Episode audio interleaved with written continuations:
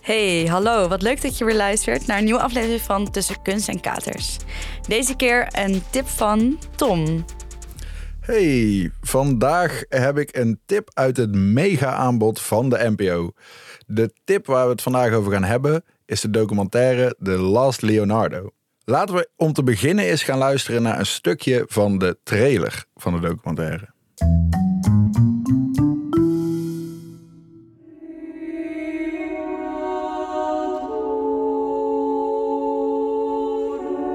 There are only about 15 Leonardos known. To say I have found a picture like this is just so far fetched. You're just going to look like a fool. This is the most improbable story that has ever happened in the art market. It's not even a good painting. So I find this painting that's cataloged as after Leonardo. The lost Salvator Mundi, the savior of the world. For whatever reason, this picture attracts my attention, and we decided to buy it. painting was very damaged and I removed some retouching. My hands are shaking. No one could have painted this except Leonardo. The joke was that that was a contemporary painting because 90% of it was painted during the restoration. Something's fishy here. Kijk, zoals je hoort is het een documentaire waar een heleboel spanning in zit. Want de docu gaat dus over het schilderij De Salvador Mundi.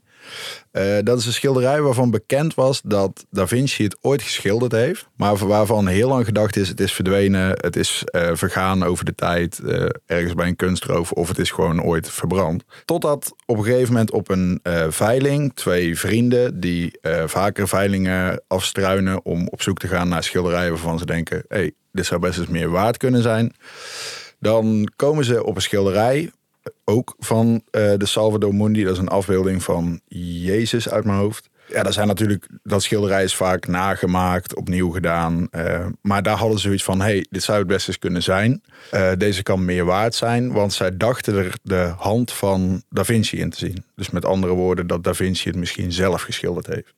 Zij hebben toen op die veiling dat schilderij gekocht voor 1175 dollar. Wat natuurlijk veel geld is, maar mocht het een Da Vinci zijn, is het natuurlijk niks. Ehm, en ze gaan verder zoeken, is dit een echte Da Vinci? Hoe komen we erachter? Het moet sowieso gerestaureerd worden, maar let's go. Wat ook super vet is, is dat in de docu te zien is dat eh, iedereen eigenlijk heel graag wil dat het een Da Vinci is. De een omdat hij dan kan zeggen, ik heb meegeholpen aan het restaureren van de Da Vinci. De andere natuurlijk omdat het meer geld waard is als het een echte Da Vinci is. En in de documentaire zie je heel mooi dat iedereen het zo graag wil, terwijl het eigenlijk tot op de dag van vandaag nooit 100% bekend is of Da Vinci het echt heeft geschilderd. Maar omdat iedereen het zo graag wil en er zo positief naar kijkt, wordt het schilderij zo'n hype, wordt er zoveel media-aandacht aan besteed, dat het schilderij in prijs stijgt, eh, van hand op hand gaat, eh, de grootste museums het graag willen hebben. En uiteindelijk wordt het dus ook geveild voor echt een achterlijk bedrag. Maar daar zal ik niet te veel over spoilen. Wat ik het super vette vind aan deze docu is dat afgezien van puur het kunstaspect, welke technieken er zijn gebruikt, hoe het gerestaureerd wordt, dat soort dingen, vind ik wel interessant, maar niet zo heel erg. Wat mij vooral aantrekt is echt het geld. Hoeveel rare dingen er in die kunstwereld gebeuren, slaat helemaal nergens op. Dat schilderij gaat in waarde stijgen, in waarde stijgen. Ze leggen in de documentaire ook een stuk uit over Genève, een belastingparadijs, waar dus echt voor miljarden aan kunst ligt in bunkers. Wat heel zonde is, want niemand kan het zien.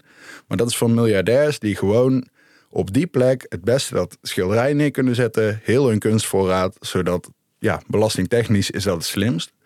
Vind ik altijd leuk om te zien dat die echt, echt, echt rijke mensen altijd wel weer iets vinden, zodat ze beter ervan afkomen. Ik denk dat als jij ooit in een kringloopwinkel hebt gelopen en hebt gedacht, oeh, dit zou wel eens een schat kunnen zijn, dit kan wel eens wat meer waard zijn, dit zou wel eens de parel kunnen zijn waardoor ik rijk ga worden, dat deze docu helemaal iets voor jou is. Toen je begon dacht ik, een documentaire over schilderijen. Hm, klinkt een beetje saai.